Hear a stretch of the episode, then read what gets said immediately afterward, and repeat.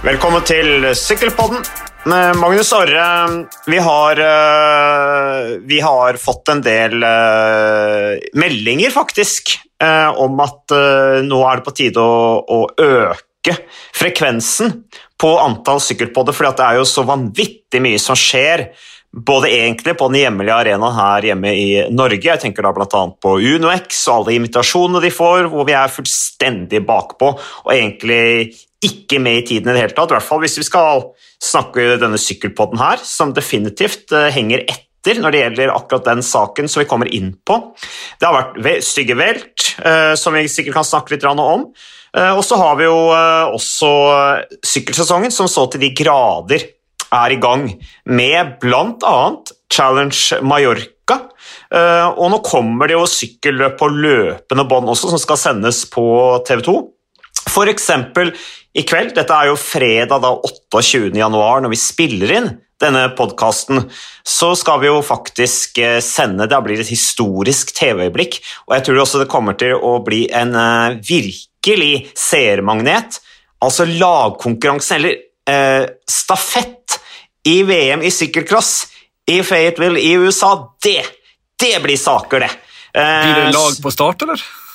Ja, Først var det jo bare tre-fire lag som kunne stille, men nå har de da også kuttet ned på antall eh, deltakere per lag. og Dermed så er det da noen lag som har to lag. Eh, Så nå tror jeg faktisk det er en fem-seks lag, med da eh, USA f.eks. 1 og 2 og Canada 1 og 2. Eh, Så det blir kamp om medaljene altså, i den prøvegrenen der, som skal bli interessant å se. Ellers er det jo da Det er jo alle øvelsene i helgen da, i sykkelcrossen, ikke sant? Eh, med høydepunktet da elite damer og elite herrer. Eh, Thomas Pidcock skal bli spennende å se om han vinner det gullet. Men eh, ellers, Magnus, du er jo veldig opptatt nå med å følge opp hva som skjer i forkant av OL i Beijing, med alle disse korona, positive koronatestene. Um, heldigvis ingen syklister som er Eller det er jo koronasyke syklister hele tiden, men uh, ja, hva er nytt? Nei, Det virker jo som en har liksom en helt annen tilnærming i sykkelsporten til korona. da. Uh, mens liksom mange arrangement i, i verdenscup, i i langrenn og ja, å få delt i OL avhengig av koronapositive, så virker det som du sykkel bare har uh, tidligere akseptert at korona er en del av eh, hverdagen. Og at du har ikke nødvendigvis den der at du må teste deg inn til hvert ritt. da. Uh, så jeg syns den nye protokollen til UCI var litt eh, nye koronaprotokollen var kanskje litt sånn leks. Litt, eh, litt slapp, kanskje. Men det ja, viser bare at jeg har at, at, jeg tenkte at eh, vi er klarte å gjennomføre under pandemien. Nå er vi på en måte på oppløpssida, får vi tro. Famous Mm. last words. Så da får en bare gønne på. da. Så Vi ser jo på en måte at Kinten Herman så mange av disse eh, ganske mange stygge frafall etter hvert da, i sykkelcross-VM, som jo blir et syltynt mesterskap eh, uten van Art, van der Poel og ja, Herman og mange andre som på damesida Ja. som er borte. Dessverre. Men eh, jeg har liksom bare akseptert litt mer at sånn er, sånn er livet, virker det som, i, i sykkelsporten. da. Ja, du skal ha litt flaks. Du skal holde deg frisk. Men du nevnte jo Kenton Hermans, ikke sant, som eh, jeg tror han ble sju i worldcupen forrige helg i Hogereide. Eh, frisk som en fisk, har trent som bare det, føler seg kjempesprek. Og så tester han positivt da, etter sykkelritt, ikke sant, på grunn av sånn rutinetest du må ta for å kunne reise til USA. Og så, Han kunne jo vært med å kjempe om gullet, han der, i det VM-et. Um, så det er jo det er ganske Det er jo- utrolig. Det er ganske paradoksalt. Altså, Om ti år, da, når vi ser tilbake på alt det som skjer nå i OL og, og i sykkel, da, at folk blir, blir ikke hindra å delta fordi de er fare for andre eller for seg sjøl, men kun pga. formalia, da, eh, karantenebestemmelser. Så er det ganske, ganske rart. Men, men. Sånn er det. Men syns ikke du da, Magnus, i og med at vi skal ta litt og diskutere litt her, syns ikke du da at Det internasjonale sykkelforbundet på en måte ligger litt sånn at de er med i tiden når det gjelder dette her med å håndtere korona? For nå, nå neste uke så blir det jo eh, Sannsynligvis slipper de mye mer opp i, i Norge. Vi hører om Danmark hvor de slipper opp, og at flere og flere innser nå at ok, eh, omikron det er, det er noe vi faktisk bare må, må leve med. Eh, det er ikke spesielt farlig. Det er ikke noe mer farlig enn influensa, f.eks. vanlig tradisjonell influensa. Eh, og at jo flere som får det, jo flere blir immune mot det. Er ikke sykkel på en måte litt med i tiden, sånn sett? da?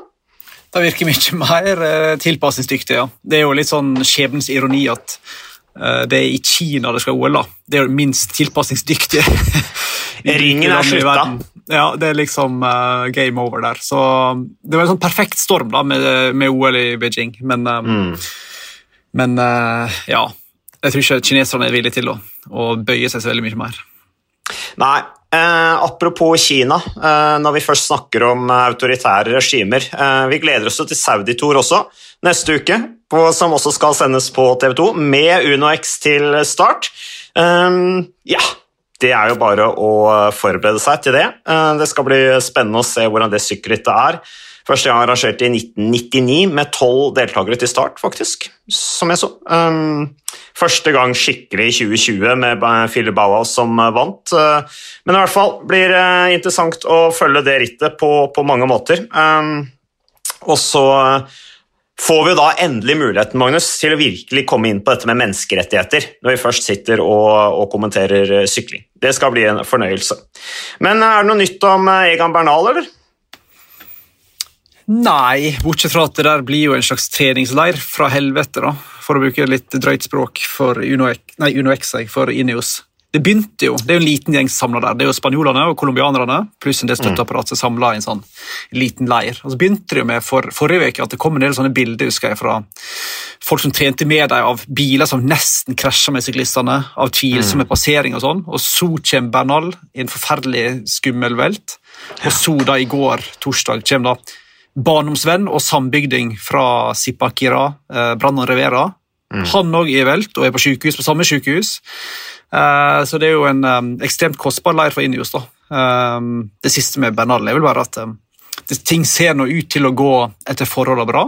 Han har mm. følelse og bevegelse i alle alle kroppsdeler. Eh, mm. Snakker, eh, er på telefonen, er visstnok i, i godt humør. Så um, det, det fikk jo litt inntrykk av da, den kvelden det sto på med Bernal, at ting kunne gått mye verre.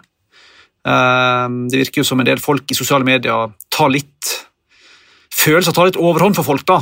Uh, Han blir erklært død en stund der. Ja, sant? Litt sånn der Pray for Egan og en del mm. journalister som bare slenger seg med ukritisk og, og dramatiserer ting veldig. da. Uh, så, men det virker nå til å ha gått uh, relativt bra, så vi får håpe at han kommer tilbake på sykkelen. Det er ikke gitt, det med knust kneskål og brukket lårbein og lungetrøbbel og ribbeinsbrudd og det ene og det andre. Da. Så um, det skal nok ta litt tid før han er tilbake og sykler. Si jeg kan, kan, jo sitere Christian Påske, som jo er en rev på dette her å få med seg og sette navn på alle slags diagnoser. Der er eh, Christian vanvittig god, altså. altså han uh, eh, tvitra jo da et sammendrag av skadene til Egan Bernal. Brudd i kneskjellet, lårbeinet og to ryggvirvler. I tillegg eh, er det satt inn dren i Plaurahulen eh, pga. punktert lunge. Kilde Christian Påske. Så det er da den eksakte diagnosen da, etter dette, denne smellen da, med en parkert buss slik jeg forsto det. Og så er det da lagkameratene, som du sier, Magnus, eh, eh, Brandon Rivera, da, som også havnet på samme sykehus. Ellers er det jo kanskje det ikke blir så inn å reise til Colombia på treningssamling. Jeg så jo Tom Dumoulin bl.a. ville jo dra dit eh, sammen med en av disse her unge nederlandske lagkameratene sine i Jumbo Visma. Det er, jo, det er, jo, en grunn til at Richard Carapaz, som trener masse i Colombia, Nairo Quintana, som trener selvfølgelig masse i Colombia, og Bernal til tider har politieskorte Mm. Uh, nå virker det jo som nå skal ikke vi si for masse uten å vite det, men det virker som den, det uhellet med Bernal var altså Bussjåføren er iallfall frikjent for alt av myndighetene nede. Han fulgte trafikkreglene og stoppa for å slippe av en passasjer. så Det ser ikke ut som det har skjedd noe lovstridig der. da. Men, um, men det, er ikke, det, er ikke, bare trygt å sykle nede. Um, men det er jo det du nevner med ryggen til Bernhard, som er litt sånn ekstra skummelt. da. Han var jo tross alt ute nesten et år med ryggtrøbbel i 2020, blir vel det. da.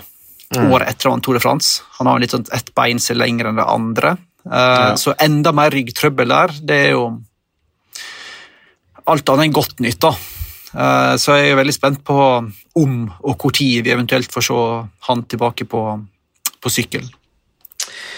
Det er en stygg sak, det der. Um, og spørsmålet er jo da hva de altså Vi har jo snakket om det, Magnus, en del liksom, hvem kan slå Tadej Pogasjar. Uh, Primoz Roglic er jo en utfordrer, sammen med kanskje et uh, kruttsterkt Jumbo Visma. Um, men så er det liksom Ineos og Egan Bernal særlig da, som er seilet opp som den, den kanskje nærmeste utfordreren da, til de to slovenerne.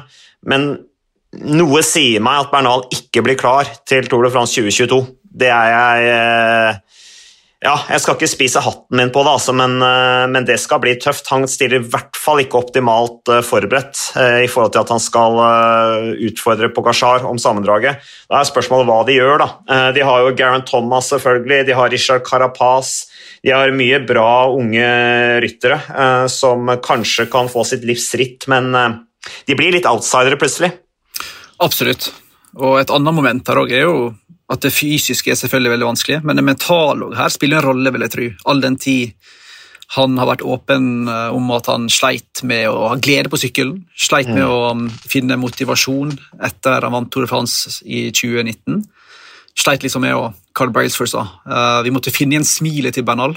Mm. Sånne stygge velter kan gjøre mye med syke. Uh, mm. Begge veier, for så vidt. da. Men jeg skal ikke utelukke at det kan spille en rolle her. så ja, vi får egentlig bare vente og, og se. Men uh, snakk om brutal start på sesongen for Ineos når du mister to mm. til langtidsskade allerede før vi kom til februar. Ja, vi følger med de. Vi følger med Egan Bernal og Rivera og, og, og alle andre som har uh, gått på, på trynet, for så vidt uh, allerede før sesongen. Ikke Rivera, Rivera som så det er, eh, det er synd, men sånn er sykkelsporten dessverre. Det er ikke bare i Colombia for øvrig, det er farlig å sykle velt, skjer det overalt. Så sånn er det. Men over til noe hyggelig, Magnus. Um, um, ja, Sykkelsesongen er litt i gang. Vi har Challenge Mallorca. Uh, du har selvfølgelig fått med deg at Binyam Germay vant denne her trofeet Alcudia. Som er et av disse endagsrittene som er del av dette Challenge Mallorca. Han vant der, det var gøy. Eh, lagkameraten til Bystrøm og Alexander Kristoff Intermarché vant i Grop Gobert Materieux. Han eh, fikk jo sølvmedalje i U23-VM i, eh, i, fjor. Utrolig gøy eh, at han er såpass bra, knallsterk til spurte god. Allrounder skal bli spennende å følge han videre. Og så vant jo det amerikanske Brandon McNulty dette trofeo Calvia etter 61 km med, med solobrudd. Holdt unna. Eh, til tross for at han hadde glemt igjen både pulsbelte og watt-måleren eh, hans slutta å virke etter 20 eh, minutter, eller 20 km. Så det er utrolig at syklister faktisk kan vinne bare på ren følelse, Magnus. ja, Det er litt så kule med disse rittene der er jo at du for å helt skal få se hva som har skjedd, så må du skru på TV-en klokka 11 på kvelden for et sammendrag på Eurosport. Mm. ikke ment som en kritikk av noen, altså. men det minner jo litt om sånne skiløp på NRK og sånn back på 80-tallet. Sånn. Ja, du kan se sammendrag fra fotball-VM i Italia eh, ved midnatt om et døgn. Mm. Um, så, for Det er ganske kule ritt, så jeg skulle ønske jeg viste litt mer sånn uh, hvert år. da. Men um, ja, det koster uh, mye vet du, å frakte alt, alt disse produksjonsutstyret over uh, vannet der inn på denne øya Mallorca og sånn, så det er sikkert litt rann å si. Jeg veit ikke. Men uh, også er vel ikke akkurat produksjonsbudsjett Eh, det største på Challenge Mallorca. Det er vel relativt sånn lavbudsjett sykkelløp. Jeg har jo inntrykk av at en del av de lagene som er der, er der for å være på treningssamling, kanskje betale en del av reisene sjøl osv., og, og så deltar disse sykkelløpene. Sånn har jo alltid de rittene på Mallorca vært, både for amatører og, og proffer. Men eh, ja, Kult at han vinner han uh, Girmay, da. Uh, vi har jo hatt en del sånne her um kall det falske starter på afrikansk sykkelsport de siste 10-15 åra, med Først var det liksom Segabu Germay, og så var det Meravi Kudus og Daniel Tekle Heimanot. Det kom liksom aldri skikkelig i gang. Du fikk aldri den der eh, virkelig store afrikanske sykkelstjerna. Froome selvfølgelig har jo sine afrikanske røtter, men er jo, er jo stort sett britisk. da. Ja. Um, så det er kult hvis du kan klare å få fram en som er nå Han er jo kun 20 år gammel, tror jeg. Fortsatt. Uh, ja, han har blitt 21. Ok, han har blitt 21. Ja. Men allikevel. Ung. U23, ikke sant? sølvmedaljevinner der i, i fjor. så så det, han, han, er jo det største afrikanske talentet vi har hatt det nå, uten tvil. Og da er det kult at det blir sykkel-VM i Rwanda i 2025, mm. er det det? Ja. Det kan bli et kult um, Bra timing, for så vidt, det, da. Mm. Det blir kult. Det blir kult. Så det er gøy. Så det, er gøy. Så det, det syns vi er moro.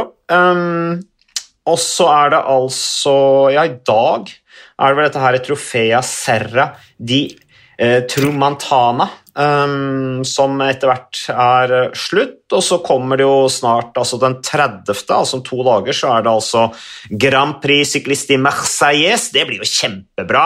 Uh, da har vi noe å se fram til. Uh, der stiller jo også Uno X med bl.a. Kristoffer Halvorsen, Jonas Gregor, eneste dansken på det laget, Rasmus Tiller, uh, tvillingene Johannessen og Iver Skårseth, så det ser vi frem til. Det blir moro å se at ja, det er liksom den tradisjonelle åpningen på sykkelsesongen. Eh, Grand Prix Marseilles, eh, så det blir bra.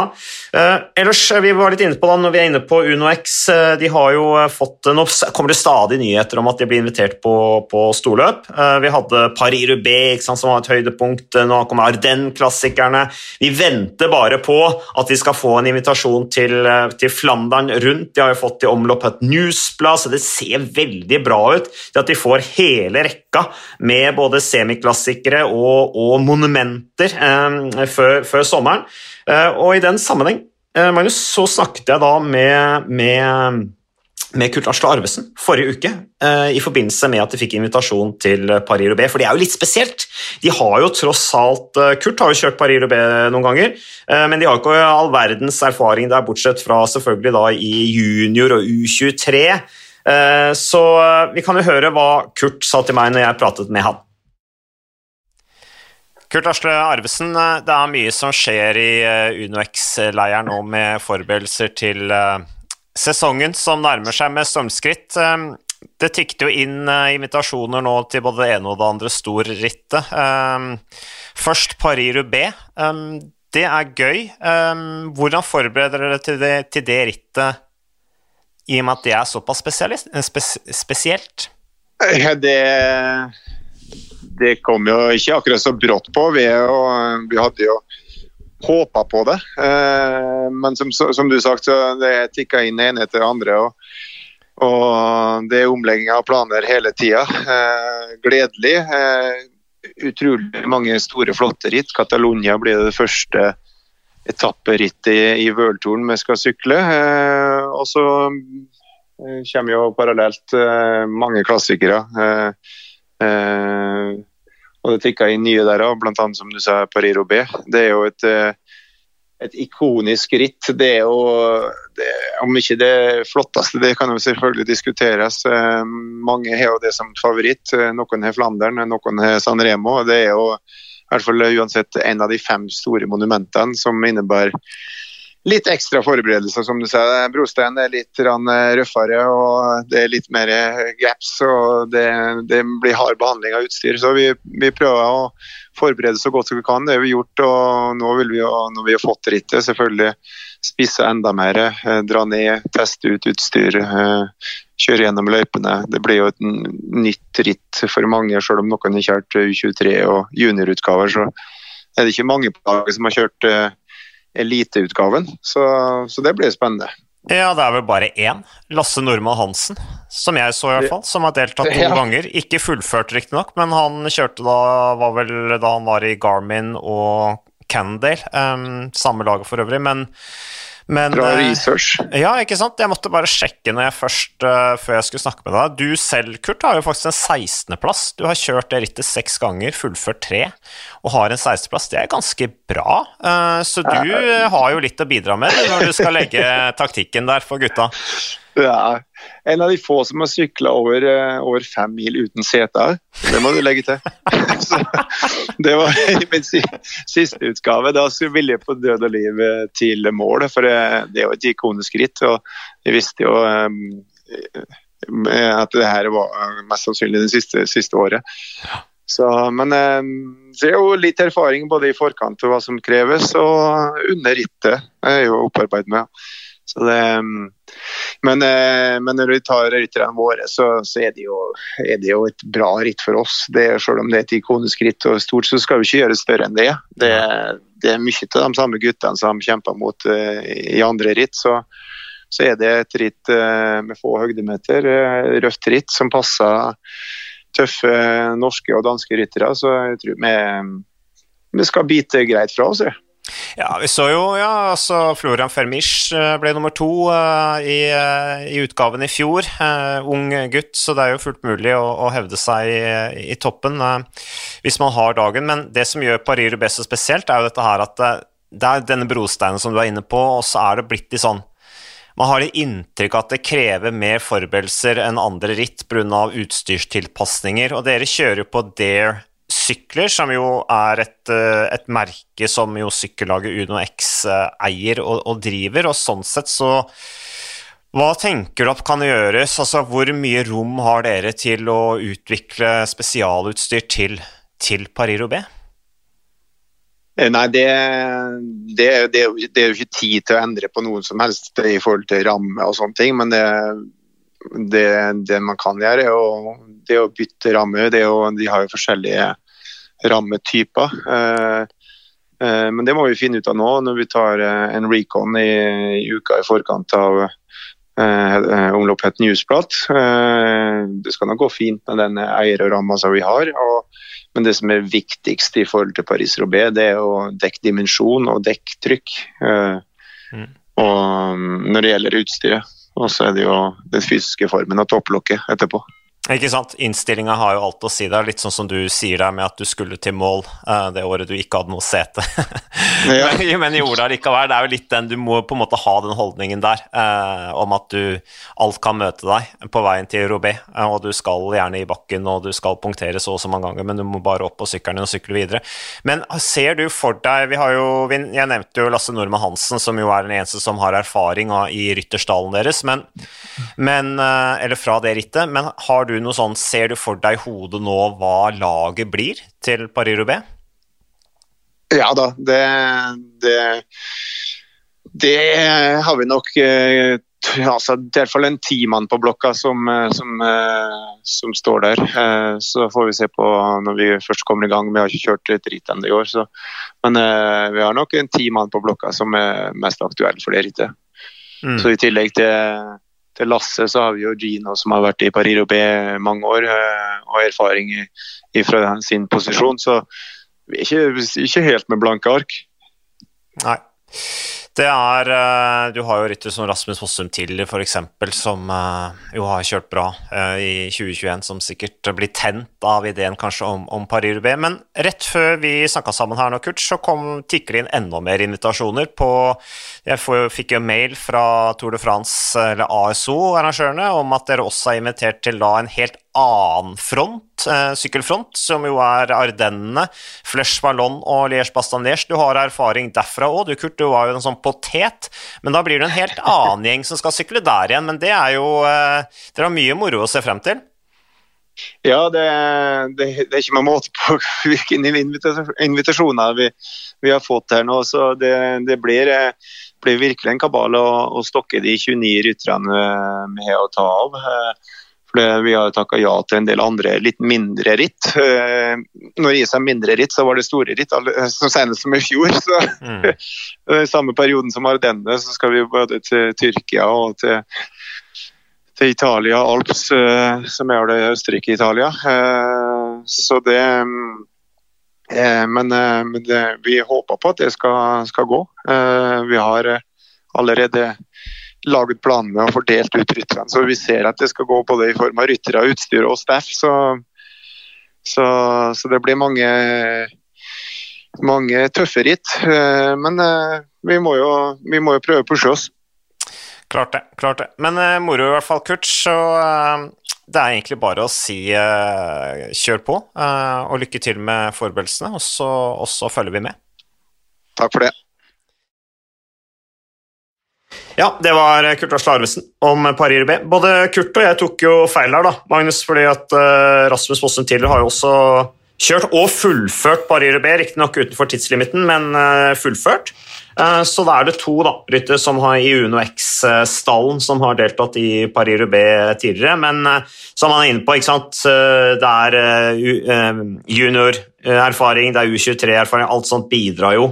Eh, og så har vi jo sett tidligere at ryttere som ikke nødvendigvis har vært igjennom ti Paris-Roubais, har lykkes første gang. Så, så det, det, skal bli spennende å se. Utstyr og sånne ting er, er viktig.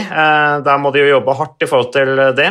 Så det er jo også et viktig utstillingsvindu i forhold til Dare, Dare Bike, som jo eies av, av UnoX.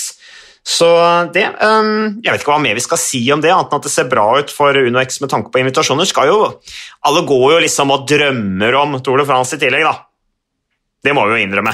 Ja da, men det blir jo ganske heftig uansett, dette her. da. Vi har òg etapperitt inn i miksen da. Volta Catalonia og kanskje òg andre um, World Tour-etapperitt som dukker opp etter hvert. her. Så um, heftig blir det uansett. Om, uh, men klart, Tour de France kommer nok sikkert uh, et år eller to for tidlig. Mm. Ja, vi får se. Vi får se. Men vi klarer å vente på det, altså. Vi er ikke så utålmodige. Mm, det er helt riktig. Eh, og det er jo som du sier, Vi har mye å se fram til her nå. Vi har plutselig et lag som er med i veldig mye store sykkelløp, eh, alle de store endagsrittene osv. Så, videre, så det hjelper, det. altså. Det gjør noe med interessen i, i, i det norske sykkel- og idrettspublikummet, tror jeg. Det har mye å si. Eh, men over til noe helt annet, Magnus. Swift, har du prøvd deg noe på det, eller? Nei, men det er jo stadig flere òg her på bygget egentlig, som driver med dette. her, Og driver og sier at nå må du få kjøpt en Swift og få fingeren ut her. Eh, mm. Men enn så lenge så eh, er jeg en av de kjedelige folka som syns at innesykling er ganske kjedelig. Mm. Så for meg på vinteren blir det stort sett bare å springe på mølla. Men eh, er du skifter? Okay. Okay, så det er greit liksom, å løpe inne, men ikke å sykle inne med Swift? Ja, ja, for det går, tar jo tre ganger så kort tid. Og så ser jeg ofte mange gamle sykkelritt mens jeg springer. Så Her om dagen så, så jeg sånn tre timers sammendrag av Vueltaen fra 99, da Ulrich vant, f.eks. Da, satt du, da satt du lenge på rulla hvis du satt og så hele Vueltaen. Ja, det var fin en. Men nei, 99, litt, litt, litt, litt snikskryt, ja. Men er du skifter? Nei, jeg er ikke det. Altså. Jeg har liksom lasta den ned, og sånn, men jeg har liksom aldri kommet i gang. uh, så, men jeg tror liksom at det er på en måte litt Det, det er ikke meg. Vi er for gamle. Vi er for gamle. Vi er det. Og så er det jo liksom, det er mye annet man skal gjøre når man sitter og sykler sånn. Du skal se kanskje en serie, du skal høre en podkast, du skal se sykkelløp, som du sier. ikke sant? Er, du har mulighet til å oppdatere deg da, og gjøre, gjøre to ting på en gang. Jeg synes jo Det der å se Spania rundt fra 1999, det er jo en glimrende måte å bruke tida på. Du, men nevner Jan Ulrik, men hva med van den Broek? Han fløy jo det året der. Jeg tror, jeg, jeg tror vi kan konkludere at han var dopa på det. Det er så sjuke rykkene han har på slutten av Vueltaen. Altså. Det var helt sånn Alltid på storskiva. Jan Ulrich som spurtopptrekker. Jan Ulrich som vinner masse spurter. Det var jo en mm. kul opplevelse. Så um, Nei, det er masse bra i arkivet på YouTube, altså. Det er det. det er det. Uh, men uh, over til det vi var inne på, Swift. Ja, Om tre ukers tid eller noe, så er det jo VM i Swift. Vi sendte det i fjor. Og der har vi jo faktisk norsk deltakelse, og en av de er Vidar Mehl. Du kjenner jo Vidar Mehl godt, Magnus, for du lagde jo en reportasje om han, gjorde ikke det, for noen år siden? Hvor han sykla, det var under pandemien, og han var ute på den her sykla i timevis. Døgna. Stemmer det. Han satte en rekord for 24 timers sykling, tror du da? Ja, det var noe sånt noe. Jeg tror det var noe sånt, ja. Men Vidar Mehl er altså Movistar-rytter. Han sykler altså på Movistar. Det er ikke bare Katrine Aalerud som er, eh, er eh, norsk eh, medlem av det tradisjonsrike spanske storlaget Movistar. Og jeg pratet med Vidar Mehl om, om, hvordan han kom inn i Movistar og satsingen hans på, på, Swift, og hva han tenker rundt det. Vi kan høre hva Vidar, Vidar Mehl sier. Vidar Mehl, Eh, det er sikkert en del eh, nordmenn som ikke er klar over at vi faktisk ikke bare har Katrine Aalerud i Movistar, men vi har også en nordmann som heter Vidar Mehl.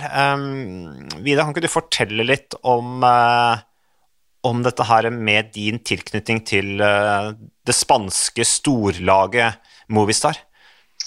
Jo, det kan jeg gjøre. Det er nok ikke så mange som vet hvor stort Movistar faktisk er. Det er jo det eldste profflaget som er, finnes. Det er snart 40 år gammel, tror jeg.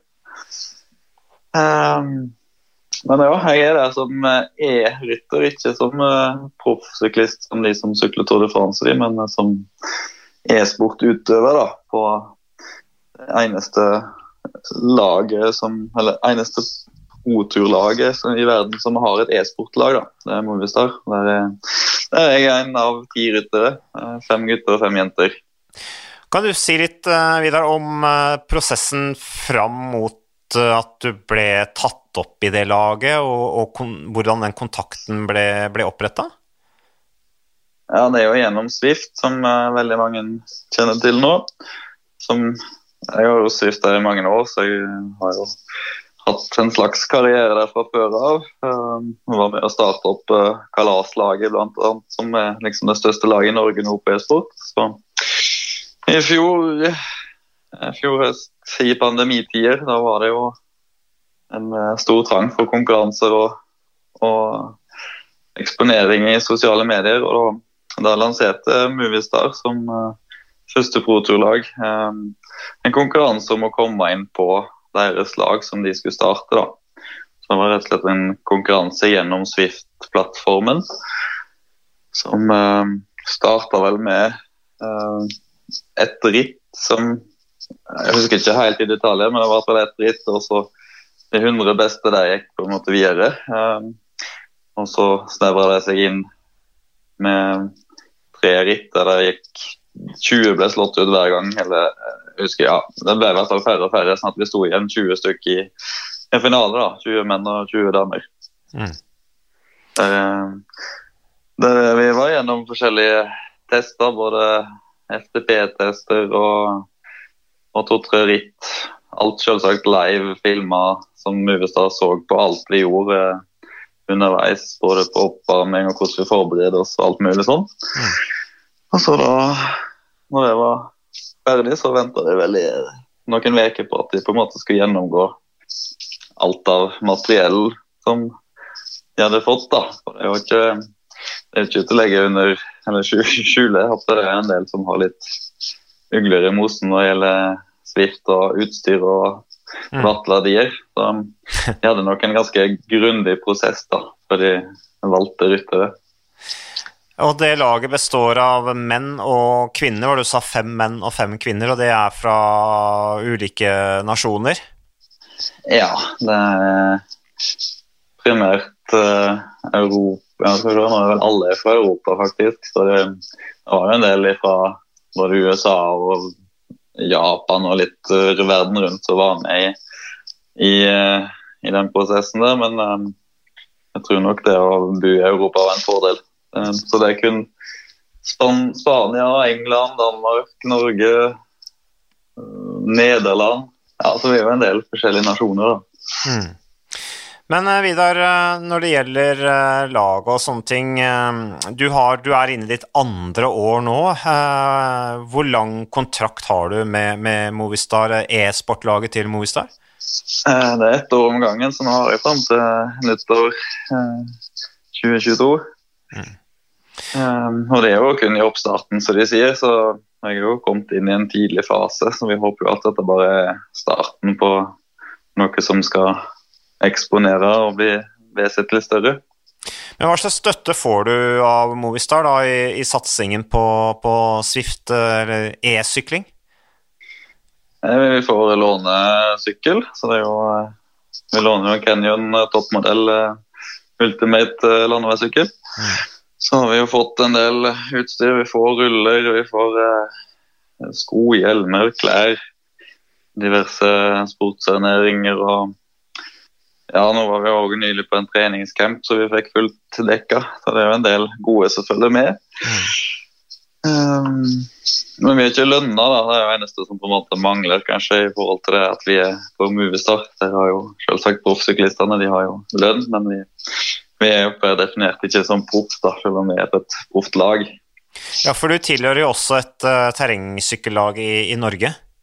Ja, det gjør jeg. Så så det må, skille litt innendørs og utendørs. Jeg tror forskjellige idretter mer eller mindre at jeg kjører med sykkel begge deler. Så må jeg passe på å sjonglere litt riktig i forhold til den biten der når det gjelder reklamering og alt mulig. da. Men det er en enighet mellom Unton Hardrockslaget som jeg sykler på utendørs i Norge, og, og Movistar. Så det på en måte har gått veldig greit. da. Men det virker jo som dette her er veldig sånn Det er jo noe som er ganske i startfasen, dette her med e-sykling, og som du sier, det kom veldig under pandemien. Plutselig skal alle sykle Swift. Nå har jeg inntrykk av at stort sett alle sykler Swift. Uh, hvis ikke du er ja. på Swift, så er det på en måte da er du helt uh, utdatert. Uh, Men, eh, men eh, altså når det er snakk om konkurranser, det er snakk om VM nå, som vel om er om en måneds tid, der satser du sikkert knallhardt på det, og også laget gir deg støtte inn mot det. Det er ganske store greier blitt, og det er ikke noen grunn til at ikke det skal kunne fortsette å øke interessen for det. Vi vet jo at bl.a. Italia Rundt har flørta med ideen om å ha en av etappene på Swift, faktisk. Eh, vi har eh, VM i, i, i, Swift, men du snakker om utstyr, at du får støtte av Movistar på utstyr. Du snakker om hjelmer osv., noe du ikke akkurat trenger når du kjører Swift. Men, og den toppmodellen ikke sant, til Canyon uh, ut, altså, Men i hvilken grad er liksom Hvor opptatt er man av utstyr til, utstyrstilpasning uh, til Swift? For jeg mener, det bør jo være altså lufttrykk, type hjul type ramme? Altså, hvor, mye, hvilken, hvor langt har man kommet på å liksom, utvikle det riktige utstyret til å sykle best mulig på Swift? Nei, altså For å sykle best mulig så trenger vi ikke så mye annet enn den best mulige rulla eller smartsykkelen sånn sett. da. Så Du trenger ikke en toppmodell eller en S-racer i den grad. Eh, lufttrykket spiller ingen rolle for Uh, eller det er jo kun for de som eventuelt har ei gammeldags rulle der du bruker hjulet fortsatt, men uh, nå er det nå stort sett krav til at du har ei ja, nå er det selvfølgelig ikke sant, kjede på rett på kransen, selvfølgelig. Så ja, tenkte jeg ga gammeldags selv òg. men, men, det er jo fokus, på chain loss, da, altså ja. at det forsvinner vatt i kjede. Så det er jo fokus på best mulig uh, gir og kjede og smurning og, og kanskje oversize uh, sånne um, jockey wheels og alt dette her, men uh, Ja, girutveksling, altså sånne ting? Ja, så det, det, er jo litt fokus på det, å finne det som uh, passer best mulig. For det er jo forskjell på inne og ute med hva kadens mange bruker, og hva som er nødvendig utveksling. Mm. Um, fram til egentlig nå i vinter så har jo folk sykla på veldig tunge gir. for da har ikke vært, har det ikke vært så store krav til hvilken um, trainer difficult du må ha i Swift hvis du er kjent med hva det er. Mm. Det er egentlig hvor, hvor uh, likt um, uh, Swift-verden simulerer uh, stigning opp og ned da, i forhold til ute. Den kan du ha fra 0 til 100. 100 så er på en måte 8% på Swift, det er 8 òg på ruller. Sånn at du må bruke gir deretter. da. Mm. Mens tidligere har det ikke vært noe fokus på det. Nå har det kommet regelverk på, på de uh, konkurransene som vi kjører, da, som er de, de, største rittene, at du må ha 100 der. Og Det fører til at du må gire fryktelig masse mer mm. enn før, når du nesten kunne sykle på samme giret hele tida. Um, så det er jo noe som har skjedd der, som stiller større krav til utveksling, og at den er tilpassa kanskje ritt og du egentlig skal kjøre òg, da. Mm. Så det, det, er litt å tenke på. Men du er på et skikkelig stjernelag, eh, og dere har deres lag. Du sier at du akkurat har vært på en samling. Hvor, hvor ofte ser dere resten av Eller hvor, hvor tett er dere tilknytta resten av, eh, av, laget, både herre- og damelaget til Movistar? I ganske liten grad tilknytta de andre. Det skal sies. Vi sykler ut og vi sykler inne, så det er på en måte et eget lag. Eh, nå var jo meninga på den treningssamlinga eh, at den egentlig skulle vært i fjor, men da var jo pandemien satt i en stopper for det, selvsagt. Eh, og i år så holdt den på å legge det, men vi fikk reise ned.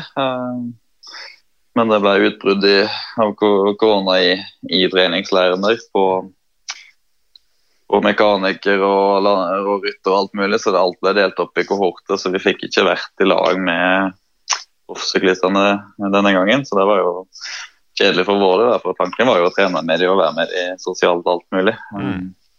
Men det ble litt, litt, amputert, men det ble bedre enn ingenting. Så det ble oppdelt eh, e-sportlag og utelag. Men eh, det blir, ligger an til at det blir en ny, ny samling med mer tiltenkt agenda senere. Så kan hende vi får en ekstra samling da. Vidar, eh, nå er jo VM det store målet, kommende VM eh, som, som er ja, ca. en måned unna. Hvordan er, eh, hva er planen din frem mot det rent sånn oppkjøringsmessig? nå har jeg kjørt ganske mye Lagt ned en god del timer og mye kvalitet i, i høst, og særlig i siste halvannen måned, egentlig. Så det blir å kjøre litt mer spesifikke O2-økter nå siste uken, og så slippe skikkelig opp uh, siste uka og samle overskudd. Nå, når vi begynner å minke på overskuddet, så må vi snart begynne å få det tilbake. Så det blir skikkelig fart. Men hvor mye vekt legger du på mengde og, og ressursperioder? Altså hvor mye skiller altså, ren Nå er du, nå er jo du også terrengsyklist, så du satser på en måte på utsykling òg. Um, Ja. Og jeg vil tro at du på en måte har to tanker i hodet samtidig og, og prøver å på en måte kombinere de to tingene. Eh, så treninga di er sånn relativt normal, men hvis du bare skulle satsa Swift, eh, ville det gjort stor forskjell på, på måten du trener på? Ja, det hadde ikke vært at eh, hoved, hovedtingen min er fortsatt utesykling. Det er jeg ikke legge tvil på. Um, innesykling er jo en ting man gjør for at vinteren skal gå fortere og ha det gøy, på en måte. Um, så hvis jeg kun skulle satsa Swift, så hadde jeg nok trent på en ganske forskjellig måte enn det jeg gjør i dag. Da kunne jeg hatt flere økter, kortere økter og mer spesifikt med spurting og to, tre, fire minutter eh, drag og alt dette der, sånn at jeg kunne spesifikt trent kun mot sånne ting. da. Mm.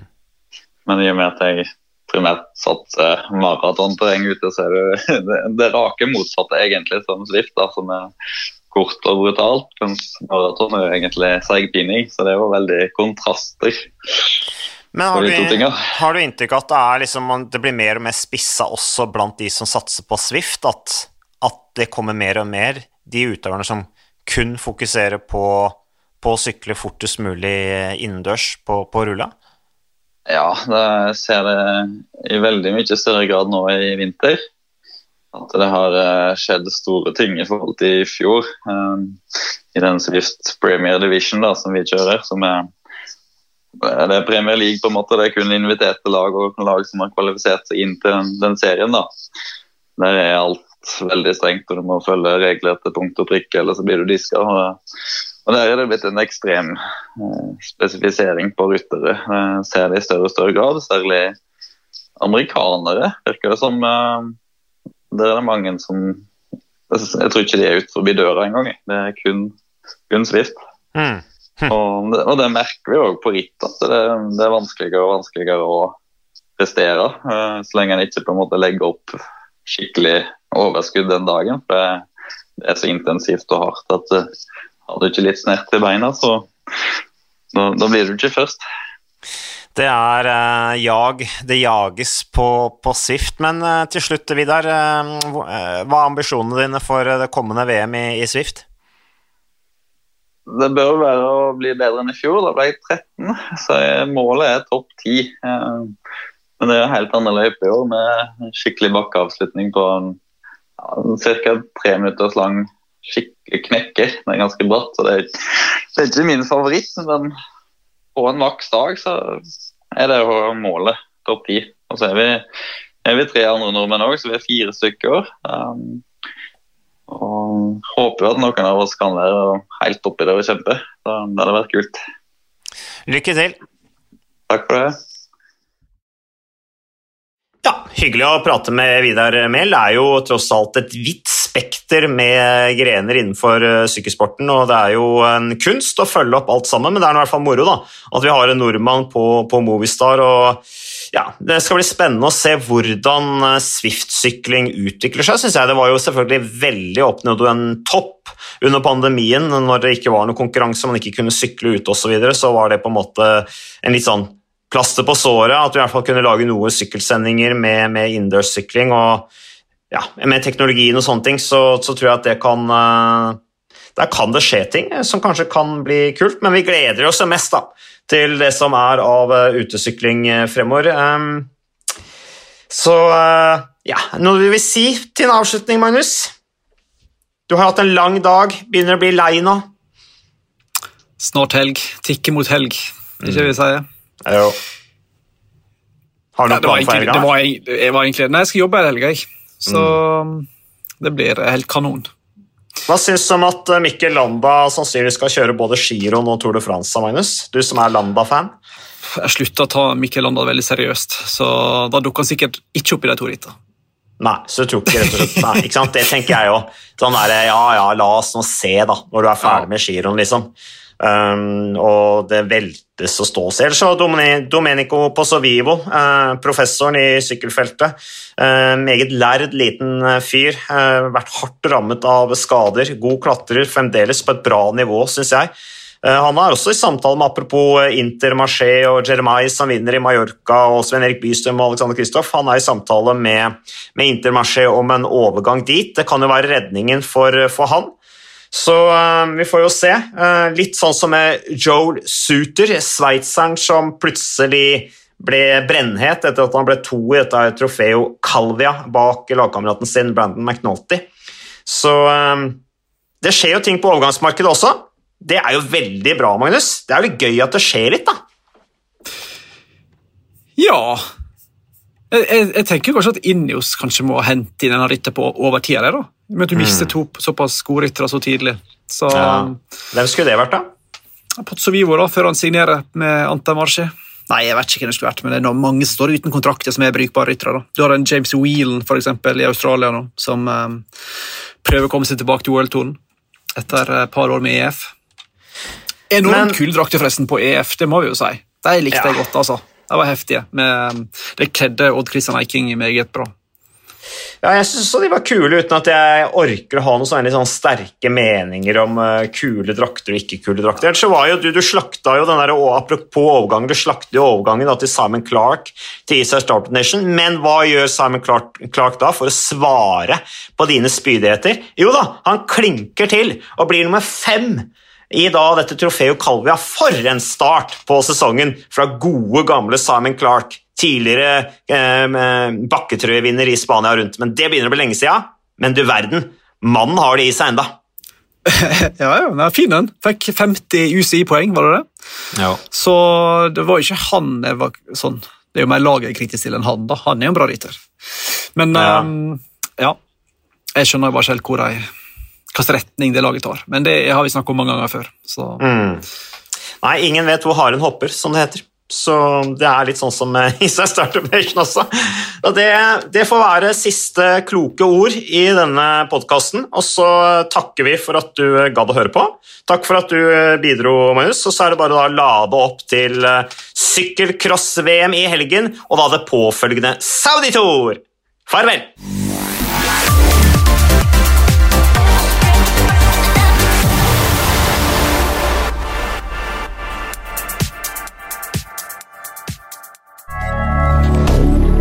Moderne media.